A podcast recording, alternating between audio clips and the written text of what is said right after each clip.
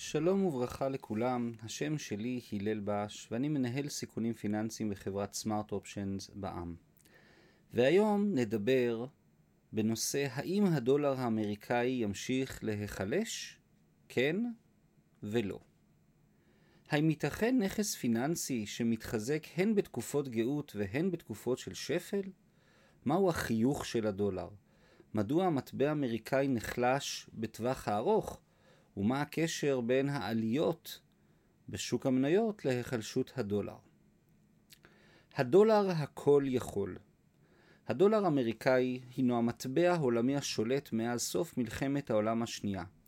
הוא מטבע ייחוס של רוב מדינות העולם ומהווה מעל 60% מיתרות מטבע החוץ או המטח העולמיות. היינו, רוב הבנקים המרכזיים ברחבי העולם מעדיפים להחזיק את יתרות המטח שלהם בדולר אמריקאי.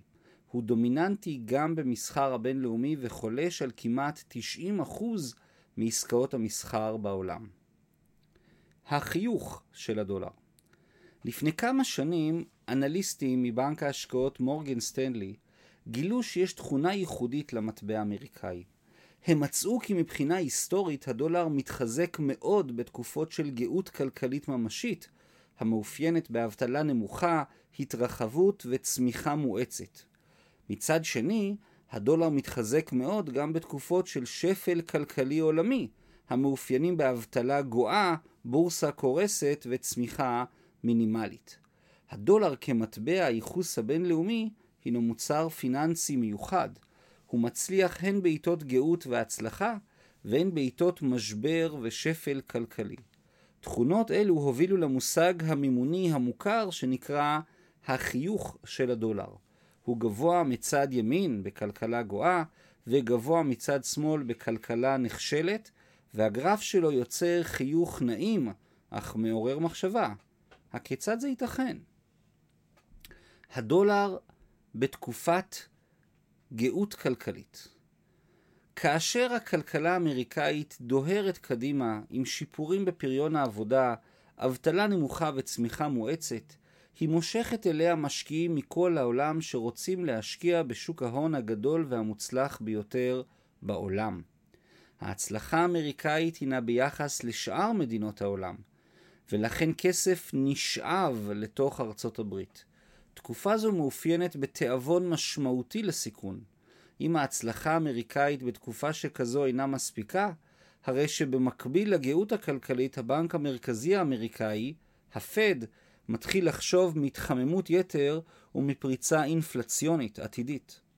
כתוצאה הוא מיישם מדיניות מוניטרית מצמצמת, הכוללת העלאה של הריבית, מה שמושך עוד משקיעים לבוא ולהשקיע בארצות הברית, ולקבל תשואה בסיסית יותר גבוהה. במצב שכזה, תנועות ההון העולמיות של המשקיעים hינן בקנה מידה ענק, והם מחזקים את הדולר מול רוב המטבעות העולמיות. זה מה שקרה בשנים 2014 עד 2016. ארצות הברית הציגה צמיחה כלכלית באופן יחסי, וכתוצאה הפד היה הבנק המרכזי היחיד בעולם שהעיז להעלות ריבית. בתקופה זו הדולר התחזק בכ-20% מול סל המטבעות העולמי. הדולר בתקופות של שפל כלכלי. כאשר העולם נמצא בשפל כלכלי ממשי, עם אבטלה גואה, ירידות שערים בבורסה וצמיחה אנמית או שלילית, המשקיעים מחשבים מסלול מחדש. הם מצמצמים מאוד את התיאבון שלהם לסיכון ומבצעים הקצאת נכסים חדשה, המתאימה יותר למציאות הכלכלית העדכנית. מבחינה היסטורית נמצא כי חלק ניכר מהמשקיעים מוציאים את הכספים שלהם ממדינות מתפתחות זרות ומחזירים את הכספים לחוף המבטחים היחסי ארצות הברית. לדוגמה, משקיע שבשלב כלשהו התפתה לשלוח 20% מתיק ההשקעות שלו למדינה מתפתחת כמו ברזיל, יחליט להחזיר את הכסף לארצות הברית. נוכח העלייה בסיכונים העולמיים, ארצות הברית, גם בריבית מאוד נמוכה, נראית יותר מבטיחה מאלטרנטיבה. זה מה שקורה, זה מה שקרה במהלך משבר הסאב פריים ב-2008, וכן בתחילת משבר הקורונה במרץ 2020. אז נשאלת השאלה, באיזה תקופות הדולר נחלש? זו שאלה מצוינת. נראה כי הדולר נחלש במצב הביניים, כאשר מצד אחד התיאבון של המשקיעים לסיכון הוא גבוה, ומצד שני יש הרבה מאוד נזילות ותנודתיות נמוכה בשווקים. במצב שכזה הכלכלה האמריקאית מתואמת ודומה מאוד למצב בכלל העולם, והיתרון היחסי הכלכלי שלה פחות בולט. המשקיעים מחפשים תשואות עודפות, והם לא מפחדים להעביר חלקים ממשיים מהנכסים הפיננסיים שלהם למדינות זרות, היינו מחוץ לארצות הברית. התוצאה אינה היחלשות של הדולר האמריקאי מול סל המטבעות. זו תקופה מאוד מיוחדת ושברירית, ממש דרך האמצע, הכוללת איזון עדין בין התיאבון לסיכון, נזילות רבה, תנודתיות נמוכה ומתאם כלכלי גבוה בין ארצות הברית ליתר מדינות העולם. המאפיינים של התקופה הנוכחית זה המצב כיום, מאז מרץ 2020. אנחנו כנראה באותה נקודת אמצע שבין גאות כלכלית אמריקאית ממשית לבין שפל כלכלי עולמי מורגש. הכלכלה האמריקאית והעולמית סבלה זעזוע גדול, האבטלה הגואה, והשינויים המבניים המהותיים עוד נמצאים רק בתחילת דרכם. הממשל והפד נוקטים במדיניות מרחיבה, יוצרים סביבה נוחה מאוד למשקיעים ומזרימים נזילות רבה לשווקים. מבחינה היסטורית נראה שאנו במצב הדומה לשנים שלאחר המשבר הסאב פריים האמריקאי 2008, שנמשך משנת 2009 ועד 2013. למרות הכל, הריבית נמוכה, שוק ההון עולה ועולה, ולכן הדולר נחלש. המתאם הגבוה בין מדינות העולם מתחבר מאוד לתקופה של וירוס עולמי, חוצה גבולות, שאינו מבחין בין מדינה אחת לרעותה. הקשר ההופכי בין מניות לדולר. חשוב לציין כי בשנים האחרונות יש קשר שלילי חזק בין עליית מחירי המניות, ראו את המאמר שוק ההון האמריקאי דוהר קדימה אבל לאן בדיוק, לבין היחלשות הדולר האמריקאי. נובמבר 2020 נרשם בתור החודש המוצלח ביותר למניות אמריקאיות מזה כ-90 שנה. במקביל הדולר האמריקאי נחלש משמעותית מול סל המטבעות העולמי. משקיעים אופטימיים רבים בשוק ההון האמריקאי מצדדים בירידה של הדולר כסימן להמשך העלייה במחיר המניות. אני ממש לא בטוח בכך.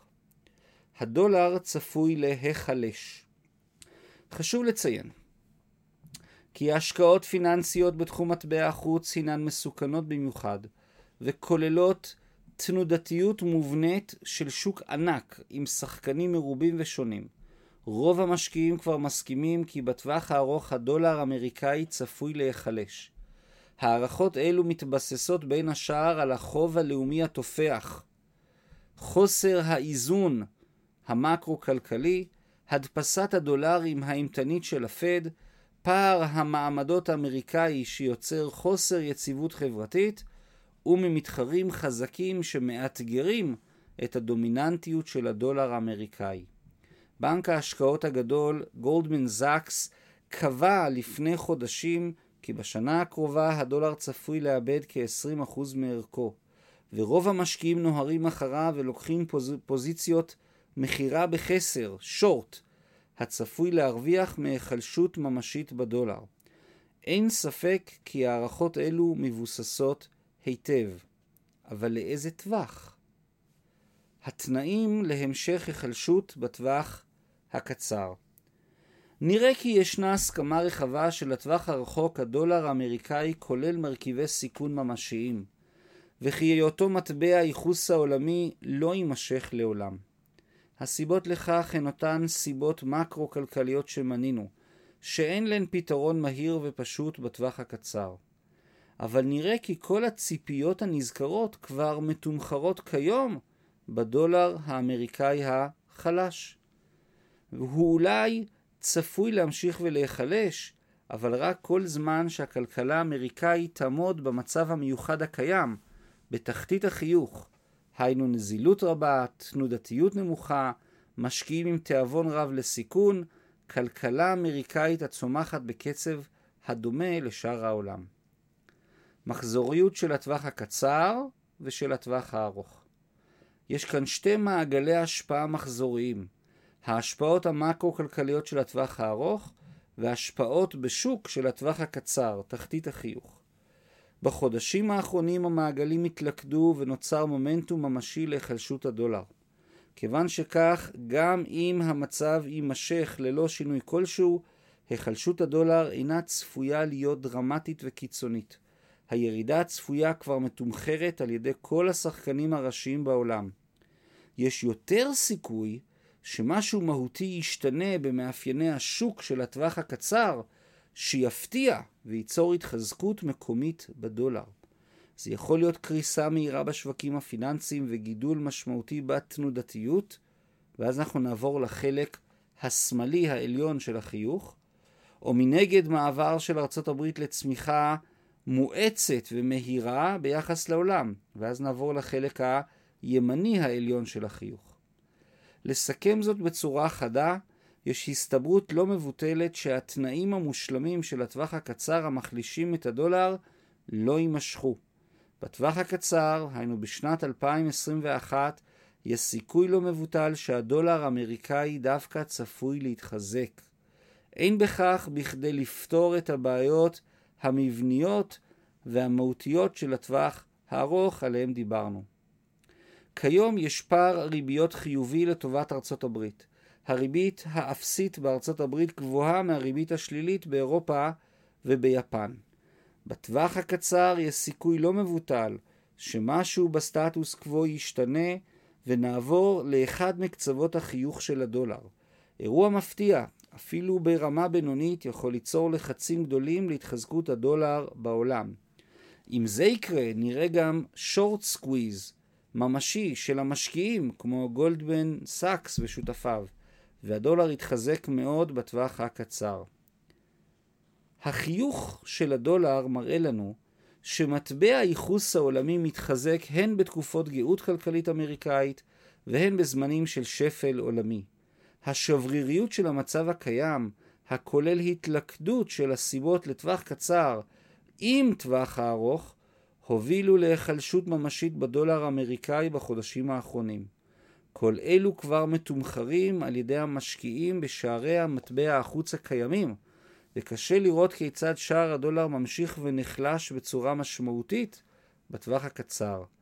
בעוד מגמת ההיחלשות של הטווח הארוך ברורה ומובנת, יש סיכוי מקומי לא מבוטל שבטווח הקצר הדולר דווקא צפוי להתחזק. אני ליל בש, אני מאוד מודה לכם על ההקשבה, ומקווה לראותכם בפרקים הבאים.